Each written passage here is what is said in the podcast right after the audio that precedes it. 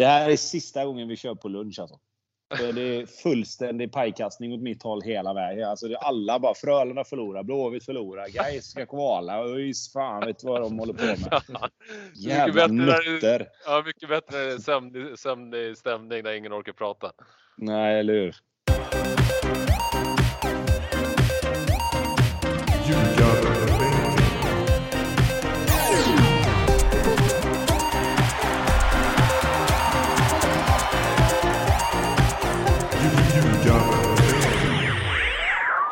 God vänner, ljugarbänken är här igen. Det är liksom många avsnitt nu, vi bara pumpar på. Det är ju ett per allsvensk omgång. Ni får ursäkta eventuellt eko här i ett kontor utan eh, möbler, men jag hoppas att jag ändå inte ska prata så mycket i det här avsnittet. Och att det är bättre ljud hos eh, Tobbe och Bobby, det är det va? Ni har väl crisp, high definition sound? Förhoppningsvis. Båda två. Det har vi väl kanske, jag vet inte. Man vet aldrig det förrän eh, det är inspelat. Så är känslan. I den här ja men lite så, man sitter ju det är och... alltid spännande tills liksom redigeraren har fått Ja, man sitter och håller tummarna varje gång att ljudet är, är skarpt. Annars får man höra det.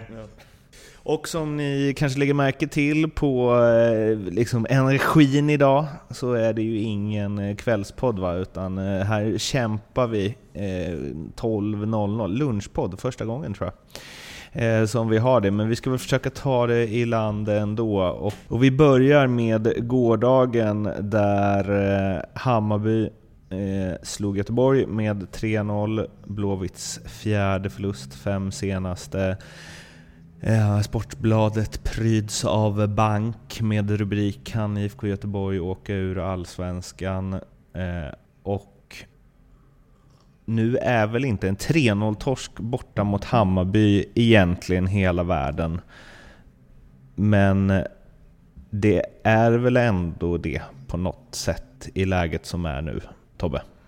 Jag vet helt ärligt inte vad jag ska börja och, och gå in någonstans. Eh, jag har ändå suttit och funderat liksom på, vi var inne på det lite grann förra gången, eh, ändå suttit och funderat på vad, vilken vinkel ska man ha när man går in och börjar prata. Liksom. Ska, man, ska man vara kritisk? För det måste man ju ändå någonstans vara. Ska man vara liksom förstående och lite som du sa Mårten där började med att det är väl inte borta mot Hammarby och borta mot AIK man ska ta poängen och det är det ju kanske inte i nuläget. Alltså det får man ju någonstans acceptera att Blåvitt just nu är, är, är en position och på ett, på ett ställe där inte de två matcherna egentligen ska vara någonting att hämta. Men jag vet inte riktigt vad jag tycker heller, om jag ska vara ärlig. Alltså att det, att det är för dåligt, det kan vi väl konstatera. Det behöver vi inte diskutera överhuvudtaget. Det, det är det ju. Eh, sen om det är för dåligt utifrån var någonstans Blåvitt är just nu eller inte. Eh, där, är, där, där blir det ju lite grann vad man fortsatt ställer för krav. Alltså jag ställer inte krav på Blåvitt att de ska åka upp och slå Hammarby. För det kan inte jag med gott samvete göra nu när situationen är som den är. Det finns ingenting som talar för att de skulle slå Hammarby. Eh, det finns ingenting som talade för att de skulle slå AIK. Eh, sen är det ju frågan om det är bra nog. Alltså, får det lov att vara så? Alltså, ska det kunna vara så att IFK Göteborg ska åka upp till två sådana här matcher och man bara liksom får acceptera att ja, det kommer inte bli några poäng i de här matcherna och alla poäng som blir är, bo är en bonus liksom. För någonstans är det ju där man har hamnat och det är väl det största problemet och det är väl där någonstans den här krisen ligger i Blåvitt just nu. Att det är ingen som räknar med att Blåvitt ska ha någon chans mot de lagen som är lite bättre än, än medel liksom. Eh, och, och, jag läste någonstans liksom, ja, man vill inte prata om kris och man kan prata om kris och det är lite, lite delade meningar med det där vad kris är. Det tror fan att det är en kris. De, de, de, de, liksom, de håller på att åka ur allsvenskan. Det finns inget lag i allsvenskan jag kan titta på just nu och säga att de är sämre. Alltså rent spelmässigt och rent självförtroendemässigt, rent resultatmässigt så finns det ju inget lag i allsvenskan som man kan titta på och bara, ja men den matchen, den matchen, den, den har ju Blåvitt liksom. Alltså man hade ju velat titta på Östersund hemma och bara, Ja, men den tar de ju. Men det, ja, man kan inte, man kan inte säga så. Det, det, är liksom, det finns ingenting som talar för att Blåvitt bara ska hämta hem den matchen. Eh, för vi, vi pratade lite grann om det med just det här med, ja men Halmstad var ju ändå bra. Jo, men Halmstad är ett undantag just nu. Halmstad-matchen var helt okej. Okay. Där kontrollerar de egentligen matchen. Visst, Halmstad hade några chanser, men det kommer det alltid bli. Men, men den kontrollerar de ändå ganska bra.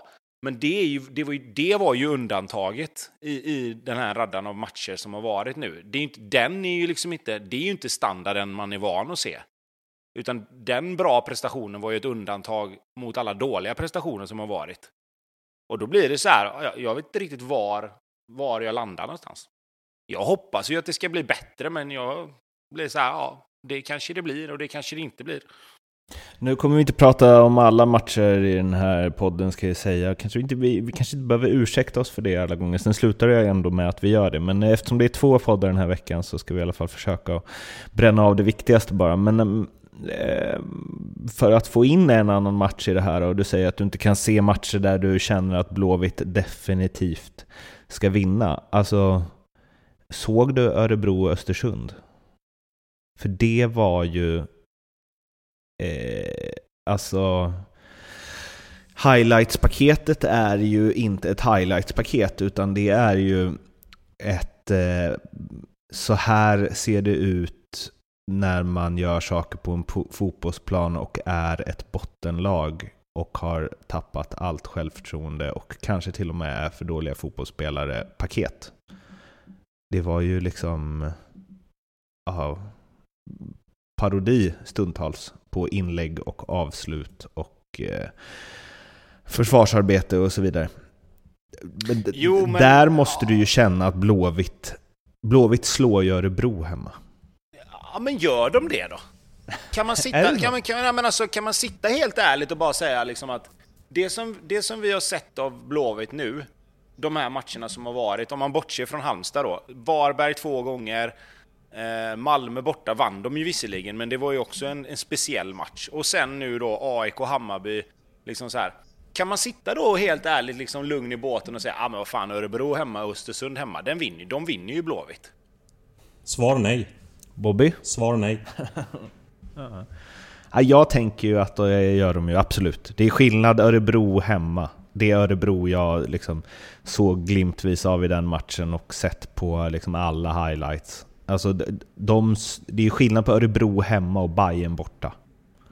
Det är ju liksom, det är mer jo, än ja, ja, jo, jo, absolut. absolut ja, men alltså absolut. Och, och någonstans är det väl där man sätter sitt hopp till att det ska vara precis så som du säger, att man känner att fan den här matchen kommer vi ändå ha mer att säga till om. Nu, nu möter vi ett annat lag som inte har någon direkt form.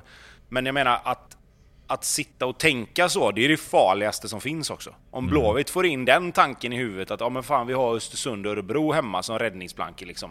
Mm. Då kommer de ju absolut inte vinna dem. Det, man ska ju också säga att det är de enda matcherna hemma mot eh, Örebro och Östersund av de tio som är kvar som man känner att här är Göteborg favoriter. Resten är ju de ju inte det, skulle jag säga. Det är ju liksom... Ah, Bobby tar ja, över här nu. Det som, är, det som är också, absolut, när man ser till eh, hemmafördelen och hela den biten så är det klart att har IFK Göteborg de här två lagen hemma nu eh, i de resterande tio omgångarna så är det klart att det på ett sätt ska vara en fördel. Men, ska sägas. Eh, nu bör vi släppa in. Och Nya Ullevi kommer ju fyllas för att IFK behöver fansen. Men det kan väldigt, väldigt snabbt vända och det har vi sett. Det går fort ibland när IFK spelar på hemmaplan inför 10 000 på Nya Ullevi. Där de vänder och blir alltså ett direkt hot mot spelarna. För att jag tror inte att IFK-spelarna känner en sån jäkla trygghet i att gå ut och spela på på nya eller gamla Ullevi när det väl börjar öppna, öppna upp här nu och känner liksom att oh, nu har vi fansen i ryggen. De kommer stötta oss hela vägen. För att det har vi sett. Det, det vänder fort. Och nu har det blivit det här mantrat här med IFK att fasen Första 15, det går ju inte. Det går ju inte. Man kommer i underläge varje gång i stort sett. Alltså det är ju det laget som släpper in flest mål de första 15 minuterna och det är ju någonting som eh, säkert de in internt har diskuterat.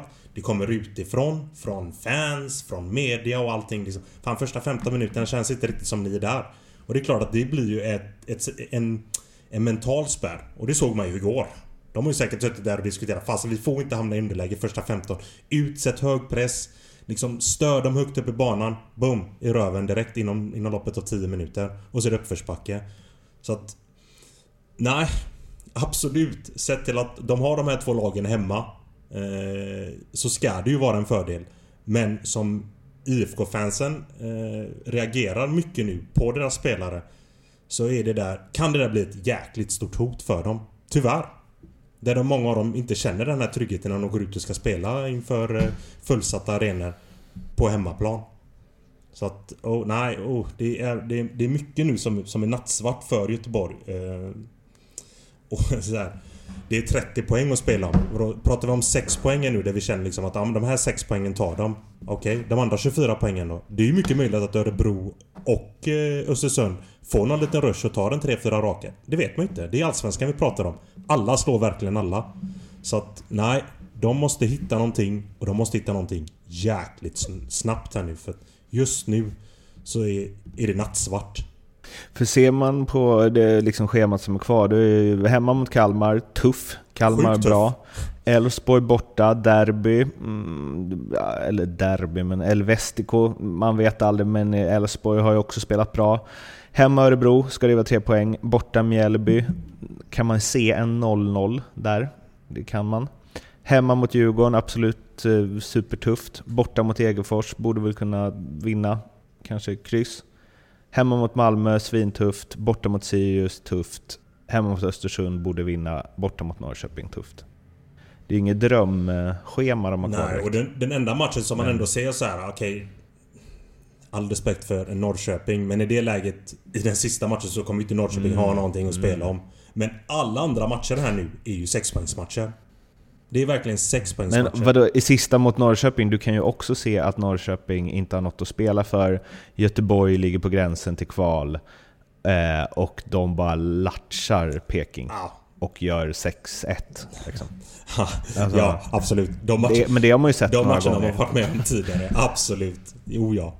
Oh ja. Mm. Men vad fasen, de går in i, i, en sista tredjedel här nu när eh, det är kniven mot strupen. Alla matcher är sexpoängsmatcher. Mm. Det är verkligen det, och det är verkligen det. Nu, man möter ju en del av lagen som han, man har bakom sig. Man har inte råd att komma därifrån med att, att tappa trepoängare. Man har knappt råd att komma därifrån med, med ett kryss. Man behöver de där trepoängarna i de där matcherna. Mot de där motstånden. Som alla förväntar sig att de ska ta. Om vi ser på just den matchen då mot Hammarby för också liksom lyfta fram Bayern lite då, även om motståndet inte var top class, så var det 12-11 i avslut men 8-0 i avslut på mål för Hammarby. Och eh, känslan var, tyckte i alla fall jag, att det hade kunnat ringt några gånger till. Ja, oh ja. Eh, bakom Anestis. Oh ja. Det hade kunnat bli 5-0 också. Och det är inte eh, som Anestis gör några dunderräddningar. Utan många av de skotten som kommer på honom eh, känns ju hyperfarliga varje gång för att han är ju där och flaxar. Han har ju någon, någon i första där han försöker läsa eh, Ludvigsson när han ska lägga sig, slänga sig mot bortre och Ludvigsson lägger det mot främre. Lite tur med en liten benparad där. Han har någon i andra. Där han får ett skott rakt på sig som han fipplar mellan benen och är på väg att gå in. Alltså det blir så här, det Oh, man blir, man blir mörkrädd när man ser det där. Vad fasen, har de ingenting bättre bakom honom? Jag fattar inte. Det måste väl finnas någon, någon keeper som definitivt kan gå in här nu och göra bättre prestationer än vad han kan. Alltså jag vet inte vad de har bakom. Det har du bättre koll på än vad jag Tobbe, men fasen. Det är... Ole Söderberg är ju andra målvakt. Ja, och det är ju ingen sämre keeper det. Tycker jag. Alltså, det, det, det kan det inte vara. Jag tycker att... Eh, fasen, mycket av, av den eh, vad säger man? Ja men den här jobbiga utstrålningen som de har i laget. Det är ju... Kan jag känna att de inte har något förtroende för sin keeper. Det känns som att fanns många av skotten som kommer mot honom det blir antingen returer rakt ut eller så, så, så blir det så enkla mål. Nu gör jag Amo... Eh, första målet är ju ja. jättefint. Fan vad han lägger den fint... Eh, alltså nere i burgaven. Den, den känns tuff. Men han har ett annat skott när Amo kommer i exakt samma läge. När han skickar ut en retur mm. rakt ut. Och det är många sådana där situationer. Alltså jag, jag... Ja, och sen så och sen, sen tror jag, precis som du säger där Bobby, att de, de känner inte någon riktig trygghet med, med honom i målet och man ser reaktionerna där kring första målet, att det är lite liksom, det är någonting som inte riktigt stämmer mm. där. Men jag tycker också att det är lite grann är en över... Alltså liksom, det, det, det, är inte bara gentemot Anestis. Det känns som att man... Nu, nu har många spelare i Blåvitt hamnat där liksom, där man hela tiden tittar på någon annan så fort det händer någonting. Alltså det är någon annan som ska lösa situationen. Liksom. Det, Första målet mot, som de släppte in mot AIK, var samma sak. Det kommer ett överlångt inlägg och så är Bahoui helt fri och alla står och tittar på varandra. Liksom. Vem är det som ska ta han? Du ska ta han. Nej, det är du. Nej, det är jag. Jag har min gubbe här. Liksom. De, de måste sluta titta på varandra och, och se till liksom, och någonstans bara, så här får vi göra liksom. Vi, vi, alltså, Även om inte det här är min gubbe så får jag gå in och ta den spelaren som är farligast. Jag har min gubbe här, men här kommer en gubbe som är ännu mer fri. Då får jag släppa den jag ska ha egentligen och så får jag ta honom istället. Alltså det, det är liksom så här, jag tycker man... Både med och utan boll så springer man och gömmer sig bakom att någon annan hela tiden ska göra det. Liksom. Det, det, det känns inte som att någon vill ha bollen. De, de enda två som jag tycker någonstans ser ut att ändå kunna kännas någorlunda trygga, det är ju Marcus Berg och Tobias Sana. Sen kan man tycka vad man vill om Tobias Sana. Det, det blir många tillslag ibland, men han vågar ju i alla fall mm. ha bollen. De andra, det är ju som att den brinner när den kommer upp på mittfältet ibland. Du vet, de springer, alltså jag menar, Gustav Svensson, visst, han har inte sina liksom, han har inte sina liksom bästa egenskaper i att liksom transportera boll eller, eller fördela bollen. Men vi snackar ändå om en spelare som har spelat i landslaget. Han måste för fan kunna spela bollen 15-20 meter framåt i plan någon gång och inte bara springa och vända. Och liksom, han, han, är ju felvänd mot, mot motståndarens mål mer eller mindre jämt. När han har bollen. Alltså han, han, han kommer aldrig ner och hämtar boll och gör sig själv rättvänd liksom, utan det blir väldigt mycket så här, få bollen knacka tillbaka, få bollen ut på en kant. Och, och det är klart att det, det kanske är hans roll, men nu måste han göra lite mer. Simon Tern ska vara bra med bollen liksom, men han måste försvara nu. Du kan inte spela 4-4-2 med två innermittfältare där den ene ska göra en sak och den andra ska göra det andra. De måste göra båda grejerna båda två. Simon Tern måste försvara och han måste fördela boll. Och Gustav Svensson måste försvara och han måste kunna spela bollen framåt ibland. Alltså det, det finns liksom inte det finns liksom inte utrymme att, att säga liksom, ja men det är inte det jag ska göra. Jo, nu ska du göra allt! Precis allt behöver du göra nu. Är det så att du behöver ta en 50 meters löpning hemåt för att förhindra ett anfall, så är det ta med fan det du ska göra. Oavsett vad din jävla roll är. Liksom. Det, det, det, det, är bara så. Det är som alla liksom, företag som inte funkar, då får man göra det man ska och lite till. Mm. Och det är exakt det som är Blåvitt nu, att man måste göra det man ska och lite till. Du får liksom inte, man kan inte sitta och titta, man kan inte stå och titta på varandra och bara det, det, det var din gubbe. Nej, det är våran gubbe. Våran gubbe. Någon får ta han bara. Jag vill också innan vi hoppar vidare till eh, andra matcher, Micke Stare gjorde en intervju efteråt, jag postade den till er, där han säger att det är inte bara 2 gånger 45 eller 1 gånger 90 det är 18 stycken 5 minuters intervaller också. Eh, där kände jag nog lite så här, varför göra det svårare än vad det är? Eh, är ni med på, är det där någon fotbollstränarsnack som... Jag tror att jag vet exakt vad han menar. Ja. Um, alltså grejen är så här att normalt sett så delar du upp en halvlek i tre olika delar. Du har ju första kvarten, sista kvarten och sen någonstans det som är kvar emellan där och beroende på hur mycket tillägg och sånt det är. Mm. Uh, och ofta snackar man ju om att okej, okay, men vi måste stå emot första kvarten liksom. Du åker borta mot Malmö, borta mot uh, AIK, borta mot Hammarby till exempel. Stå emot första kvarten och sen så börjar vi försöka gå mer mot vårt eget spel efter, efter en kvart börja hitta in i, i matchen, se vart ytorna finns och sen sista kvarten försöka trycka kanske lite mer framåt beroende på hur matchbilden ser ut. Det man gör, tror jag, eller det han gör här då, nu när Blåvitt har den situationen som de har, det är att nu delar han in matchen i ännu kortare sekvenser för att någonstans liksom, okej, okay, men vi ska ta första fem minuterna ska vi hålla undan och sen ska vi hålla undan nästa fem minuter. Och sen efter dem så får vi se hur det ser ut. Ja, då är det nästa fem, då ser vi hur de ser ut och så nästa fem. För att någonstans bryta ner det i så pass små delar att jag tror det här, att för att liksom lyckas med det målet man har under de här fem minuters perioderna liksom. För att säger du första kvarten och släpper in ett mål så kan du fortfarande ha gjort en hyfsad första kvart, men under en viss del så har du släppt in ett mål. Liksom. Eh, delar du ner det där till, till mindre perioder så, så, så, ökar ju chansen att du lyckas med det du säger under, de, under fler sådana perioder. Liksom. Eh, sen, sen är det inte alltid det där Ja, ja, det, det, går ju att se på hur man vill, men jag tror att det är så han vill göra. Liksom. Att han vill någonstans dela in matchen i ännu mindre perioder för att få spelarna att fokusera på okej, okay, nu är det nästa aktion, liksom. nästa fem minuter, nästa fem minuter. Inte se en kvart framåt eller 20 minuter framåt, utan bara ta nästa aktion, nästa minut, nästa anfall. Alltså för att någonstans bryta ner det till, för att göra det så enkelt som möjligt. Liksom. Istället för tvärtom som det kanske låter då. För att bara snabbt eh, måste... Mårten bara... Bör ju ändå lyfta Hammarby eh, lite. De, det är ju två matcher nu de har hållit eh, nollan. Det är ju inte allt för ofta de gör det.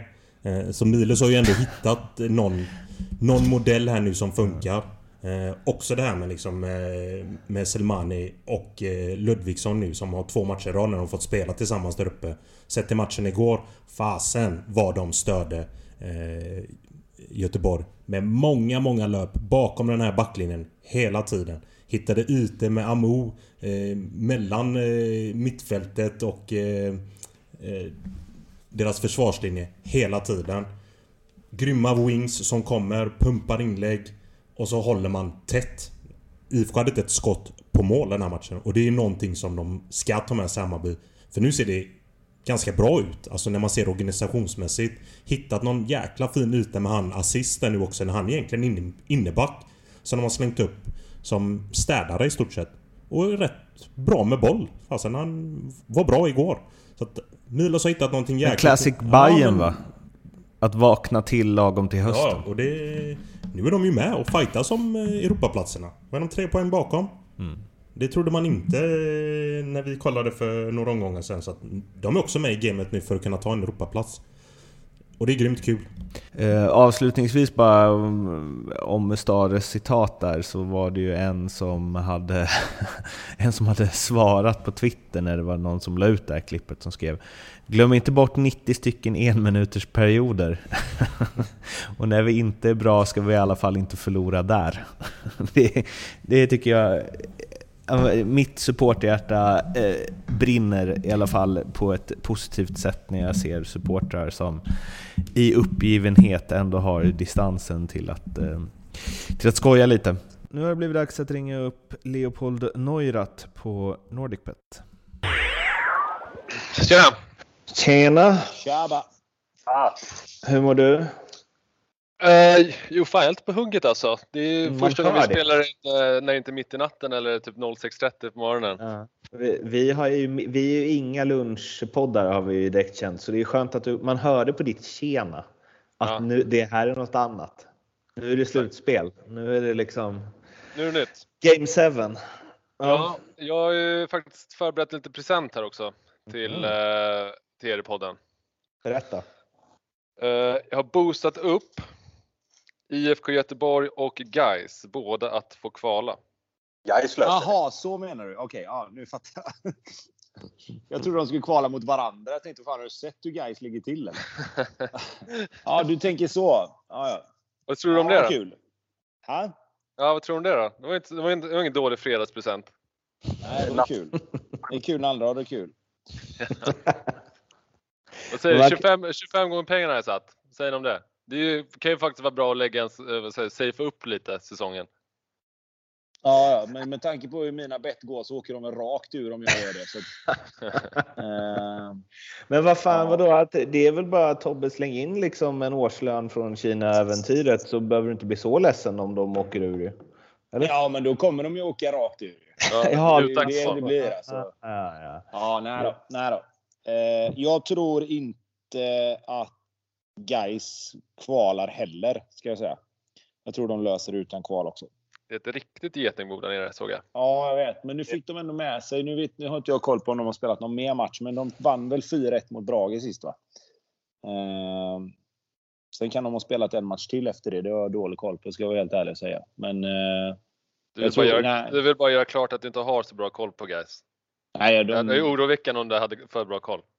Ja, men jag har faktiskt en granne här som är gaisare och vi brukar snacka lite grann. Vi, eh, det är så här depressionssamtal varje, varje måndag. Terapi. Vi träffas här. Ja, precis. Så att, eh, men, ja, men jag, jo, jo, jag håller, hänger ju med lite grann. Det gör jag ju. Både med Gais och ÖIS. Så att, eh, det är, jag menar, det är ändå, hör ju ändå till samma stad i alla fall. Ja, Bobby, ryggar du? Uh, nej, det gör jag inte.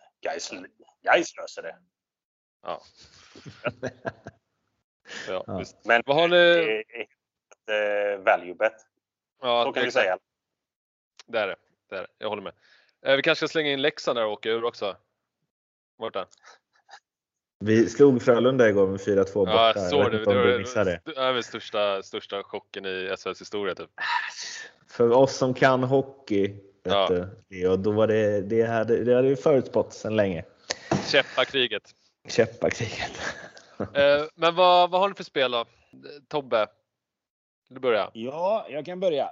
Jag säger, eh, jag försökte ju med handikappet senast här nu, men det gick ju inte så bra. Men jag tror att Malmö med handikapp minus 1,5 hemma mot Örebro borde vara hyfsat safe. Eh, jag tror de kommer gå all in där och köra. Och sen så tror jag att Halmstad vinner. Mm. Eh, jag ska hjälpa er lite. Vi byter, Ja, okej. ut, byter ut Halmstad mot Degerfors, etta kryss mot AIK. Så får du, det är samma odds. Nej.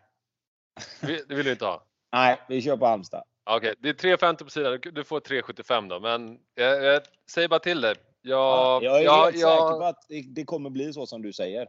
ja. Men om jag byter, då blir det ju... Då, då, ja, nej, jag ska, nej, jag ska ha Halmstad. Och, och du kan få spela en, du kan få spela Elfsborg till 50 gånger pengarna nu också. Vinna SM-guld. Om du vill. Jaha, nej, jag hoppar det. Hoppar, fan. Det tog, Ja, de, de, har, de har raserat mitt förtroende för dem på en vecka ungefär. Ja. Fan, så hade man rätt igen alltså. Ja, ja. Ehm, tre- 3,75 då kan vi säga där.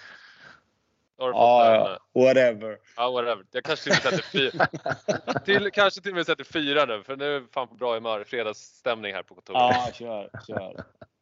Eh, Bobby, vad säger du om eh, Degen, etta kryss? Vad, vad får man på den? 2,15. Vad sa du? nu? Ett, etta, kryss 2,15. Ja, att de tar poäng mot Gnaget alltså.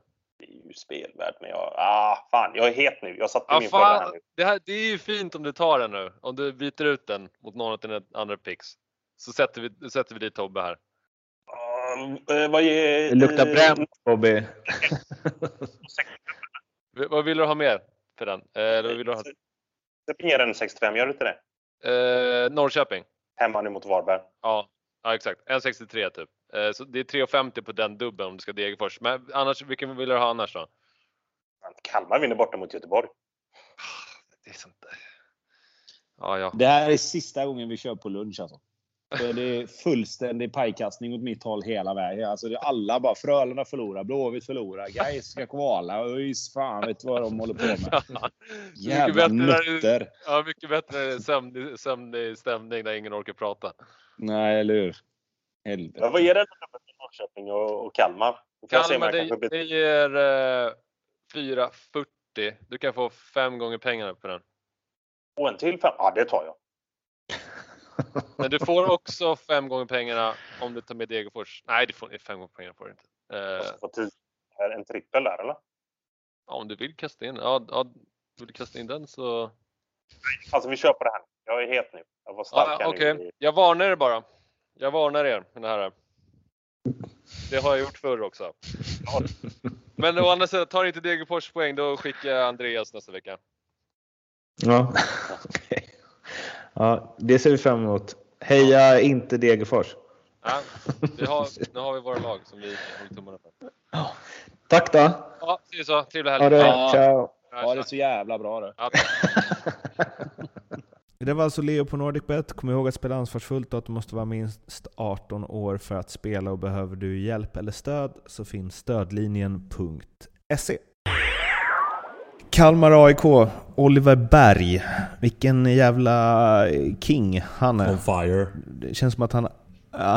Ja, det känns som att alla jävla höjdpunkter från Kalmars matcher, det är alltid Oliver Berg är inblandad i liksom 75% Tillsammans med Ring då, ska sägas. Det är ju de två som, som gör det mesta framåt. Eh, Nej, fasen. De är ruggiga alltså. Det var så jävla underbart igår också. Eh, Folk som... Nu såg inte jag hela matchen, eller jag såg inte matchen. Så jag såg highlights på det men...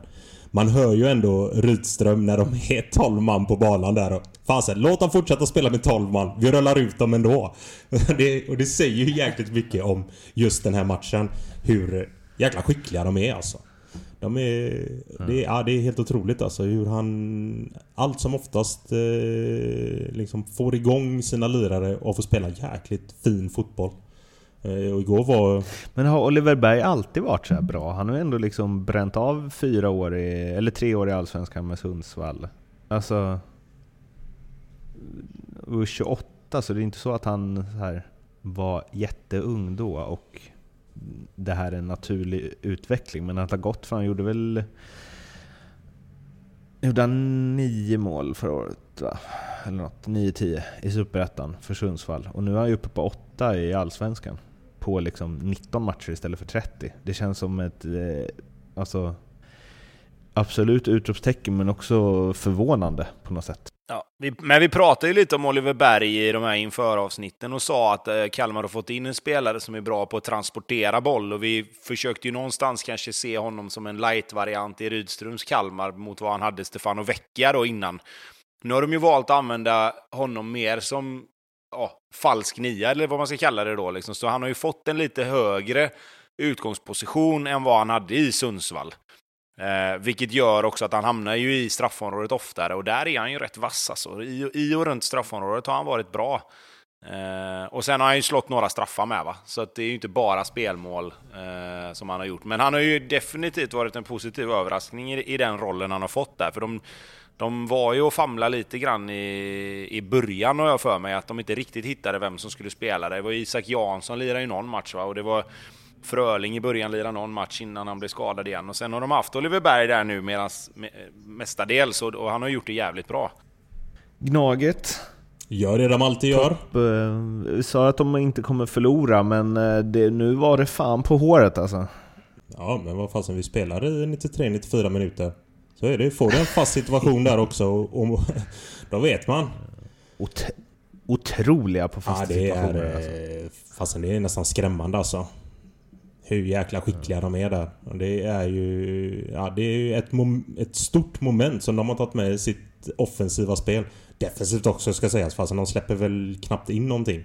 De är så jäkla starka. Men offensivt är de ju sinnessjuka. Då kommer ju de två mittbackarna upp och är alltid ett orosmoment. Och så dyker den upp.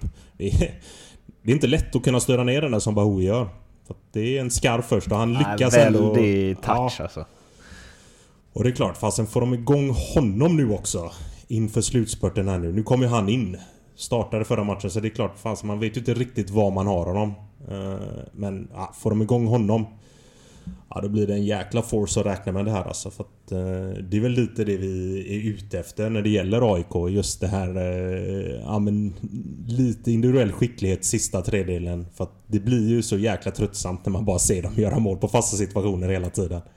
Eh, men det är klart, fasen det tillhör spelet så att... Eh, ja, de kommer... Eh, ja, det, här, det här kommer bli...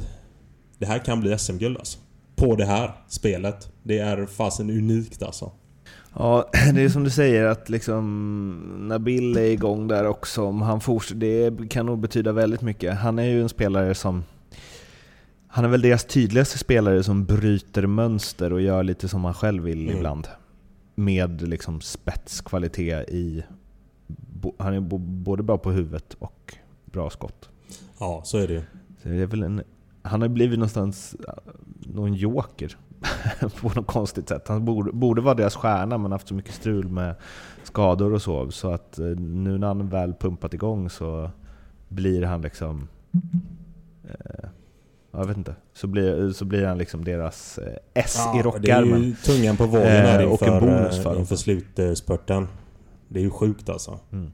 Men fan, så vi måste ju ta det här med 12 spelare på banan alltså. Jag, jag, jag fattar inte hur fan Ja, jag- det kan gå till sådär.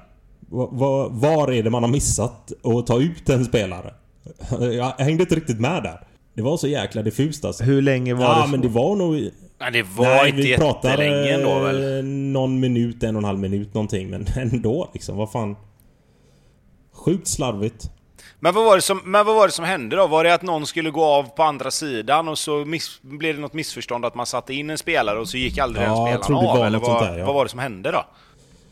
Ja, jag tror det Ah. var något så. Jag har inte sett eh, just det momentet där i, i själva biten. Jag såg bara sen efter när Rydström är så jäkla skön och bara skriker ut att låt oss spela med 12 man, vi löser det ändå. ja, det är jäkla underbart. Han, han är inte sen där. Nej, det är han inte. På, ta den. Om vi eh, ska hålla fast vid temat fasta situationer då. Så finns det ju ett lag som är i andra änden mot vad eh, AIK är. Och det är ju Sirius som förlorade hemma på Norrköping med 4-2. Och om jag inte är snett på det nu så har Sirius alltså gjort ett mål på fasta i år och släppt in 12. Det är inga supersiffror. Mm, nej, det är det inte. Det är faktiskt riktigt uselt. Alltså hur många, hur många har de, hur många har de släppt in? Det, må, det här måste ju vara, liksom, det måste vara hälften av målen, De har släppt in 32 så att det är typ en tredjedel av kassorna som de har släppt in i på, på fasta situationer. Ja, exakt. Mot Norrköping var det tre va? Ja. Och då är väl inte Norrköping känns inte superstarka på fasta, men det kanske...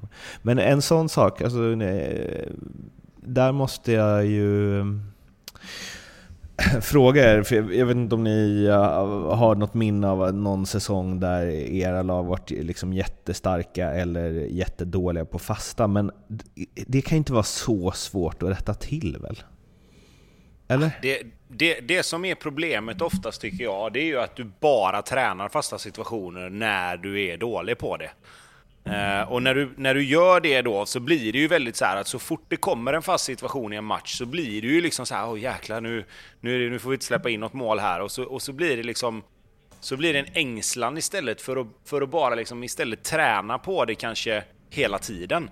Jag vet, vi hade ju, vi hade ju ett år, det året vi vann SM-guld med, med Djurgården så tror jag vi gjorde 13 mål eller någonting på hörna. Eh, och då, vi, vi, liksom, vi körde ju bara kötterhörnor för det mesta. Liksom. Vi, vi satte in våra fyra längsta. Vi hade ju Sören Larsen, Tony Koivasto, då, Marcus Johannesson och Fredrik Stenman typ. De ställde vi vid första stolpen. Och sen så stod antingen jag eller Daniel Sjölund och Johan Arning och så bara lättade vi in bollar där. Och så blev det en jävla massa situationer och det blev strul. Några gånger gick bollen rätt i mål från nick, några gånger blev det returer och så satte vi in dem. Men, men det var liksom inte svårare än så. Nu, alltså det känns som att det känns som att varenda jävla lag ska uppfinna hjulet på, på eh, fasta situationer. Alltså man ska spela kort och sen ska man tillbaka och sen ska man slå in den på bakre. Alltså det är så jävla mycket moment som ska bli rätt innan bollen går i mål. Och så tittar man på AIK. Bra serv, bra löp, pang, och så smäller det bara. Det behöver inte vara så jävla mycket svårare än så. Har du en bra, har du en bra fot och du har spelare med size som är bra på huvudet, så sätt in den mot en yta i straffområdet och attackera på två, tre olika ställen, så kommer du göra en hel del mål. Mm.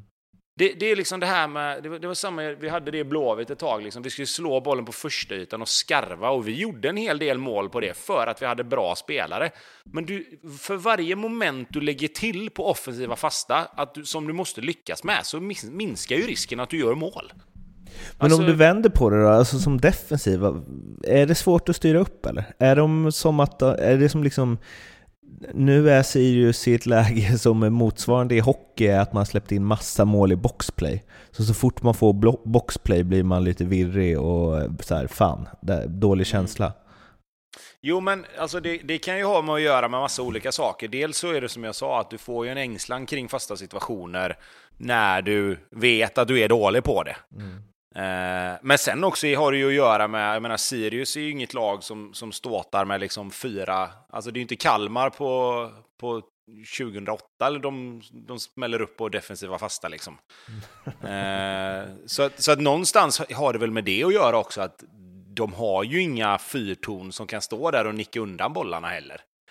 Eh, och, och någonstans då kan jag väl förstå att man försöker att spela igång bollen för att du vet att vi kommer inte göra mål på hörna om vi bara sätter in den i straffområdet, för vi har inga spelare som är, liksom, om man säger riktigt, riktigt starka på huvudet. Eh, så där finns det ju absolut ett, e-, e-, e-, liksom ett värde i att kanske spela korta hörnor då för att få igång dem. Jo, men problemet är väl mer att det är ett större problem att de har släppt in 12 än att de har gjort ett. Ja, Väl. absolut. Ja, fast jag skulle nog ändå... Nu får Bobby komma in här också, men jag skulle nog säga att det stora problemet är ju att de ligger minus 11. Det är väl där någonstans man kollar att liksom, gör du fem och släpper in fem så ja, ja, då ligger du plus minus noll liksom. Men de ligger ju minus 11 på fasta Och du menar att det är inte bra. lättare, är det lättare att, eller jag tänker att det måste vara mycket lättare att rätta till de defensiva. Det är väl bara alltså, så jävla svårt, även om man har kortare spelare kan det inte vara att hålla lite extra länge, i- länge i tröjan eller liksom... Alltså... Nej, jag vet Ja, inte. men Bobby, så här, vad alltså, säger om- du? Jag var ju aldrig involverad. jag Ja, stod nej, på men om vi, om, vi- om, ja, för det mesta. om, vi tar, om vi tar hörnor så finns det ju, det är ju två moment du kan köra. Antingen så kör du zon. Eller så kör du någon form av semizon när du har tre spelare som har första, eh, den centrala och sen den bakre och så har du resten markering. Det är jätteenkelt. Alltså det är ju de två alltså, momenten du har. Antingen så är du jävligt dålig på din markering och då ska du fan få höra det om du tappar din gubbe. Ja, då kanske man bör titta på att göra zonmarkering istället. För att du behöver inte ha världens längsta spelare för att li- liksom ha nio man i, i straffområdet i någon form av zon. Där alla bara står och täcker sina zoner. Kommer bollen mot dig så ska den fan bort. Jätteenkelt. Så att de har liksom två moment att behöva titta på. När det gäller eh, frisparkar, ja då är det ju antingen, som många gör, man står i liksom en linje. Med någon halvmeter, en meter ifrån varandra. Och det ska fan inte komma in en spelare emellan där. Kommer en spelare med fart, du ska ju ha koll på att det kommer en spelare in i mellan dig och din eh, kollega som du har någon meter ifrån dig. Fan, in och brösta den. In och ta smällen. Oftast får du frisparka med dig. Så att så här, det, det är få grejer man egentligen bör justera men att spelarna har det i huvudet att fasen vi är så dåliga på defensiva. Det är jätteenkelt att, att, att liksom fixa till det där. Antingen är det semizon med markering och du har din jävla gubbe. Eller så är det zonmarkering där du har nio spelare i, i olika zoner. Och kommer bollen mot dig så ska den bara bort. Det är alltså enklare än så. Alltså det behöver inte vara svårare än så.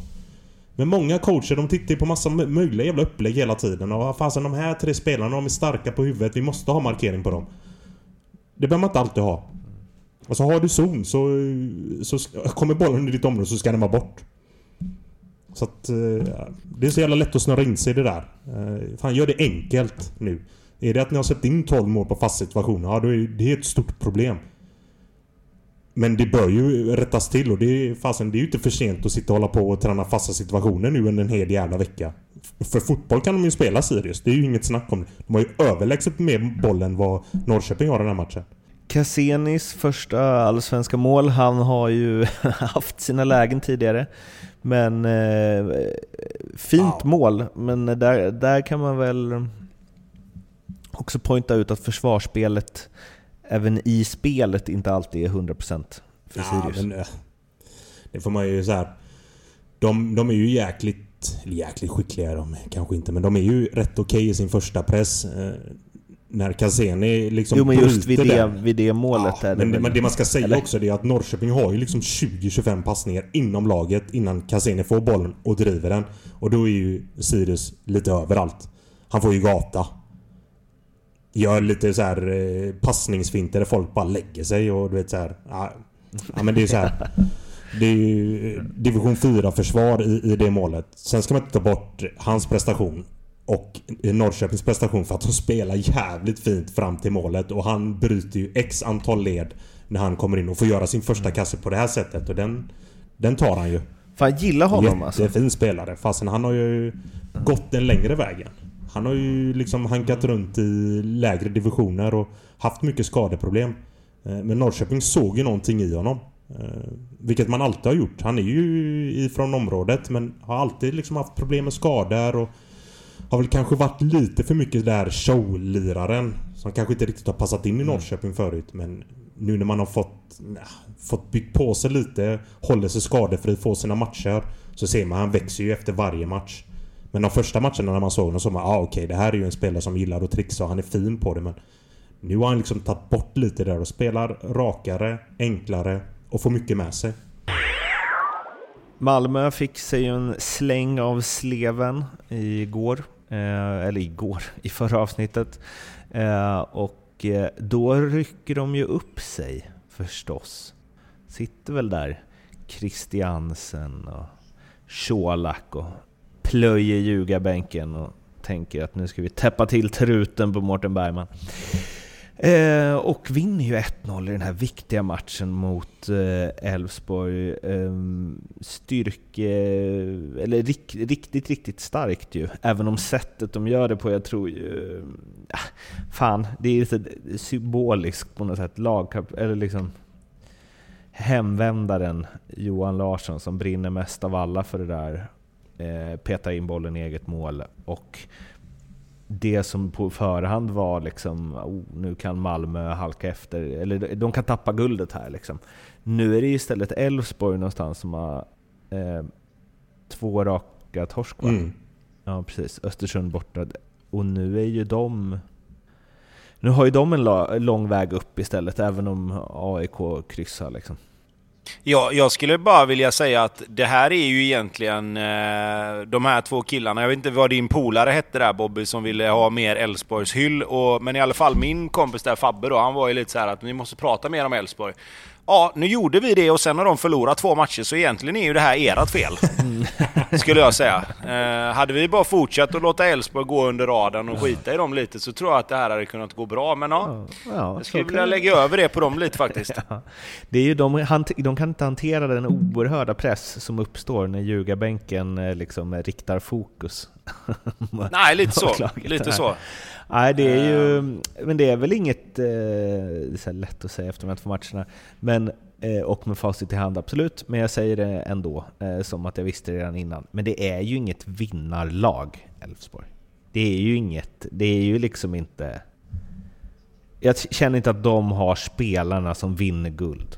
De hade behövt två Johan Larsson till. Alltså, jag, det, det är ju det är ju såklart jättelätt att säga nu liksom. Mm, jag det är därför ändå, jag säger det. Ja, eller hur? Precis. Det är alltid bättre. Man, man vet alltid bäst efteråt. Ja, Nej, men jag, jag tycker så här att jag tycker att tidigare år och, och några liksom så här om man säger några årgångar av Elfsborg så tycker jag det har funnits en viss tendens att när det väl har brunnit till och när det väl har liksom ställts på sin spets så har de lite grann kanske vikt sig i vissa matcher där där man tänkt att fasken, här, här gick det lite för lätt för motståndarna. Jag tycker inte att de har varit sådana i år, så därför är jag faktiskt förvånad över framförallt matchen mot Östersund. Den här matchen är ingenting att säga om. Det, det är ju som vi har sagt, liksom, Elfsborg-Malmö kan ju gå hur som helst och det hade ju den här matchen kunnat göra också. Eh, Men, men jag är ändå förvånad i just det här Elfsborg, för jag tycker inte man har sett någonting av det här att de ska förlora två matcher i rad. Och, och just den här matchen som de gör då, för att Malmö-matchen hade inte spelat så stor roll om de bara hade vunnit uppe i Östersund. Eh, för då hade de fortfarande varit med och då hade liksom kanske till och med hade matchen mot Malmö, då hade de kunnat gå in i den med en vetskap att okej, vi är ändå med oavsett. Nu blir det ju det här att förlorar vi den här matchen så är vi nog fasiken kanske lite för långt efter och då blir det en press.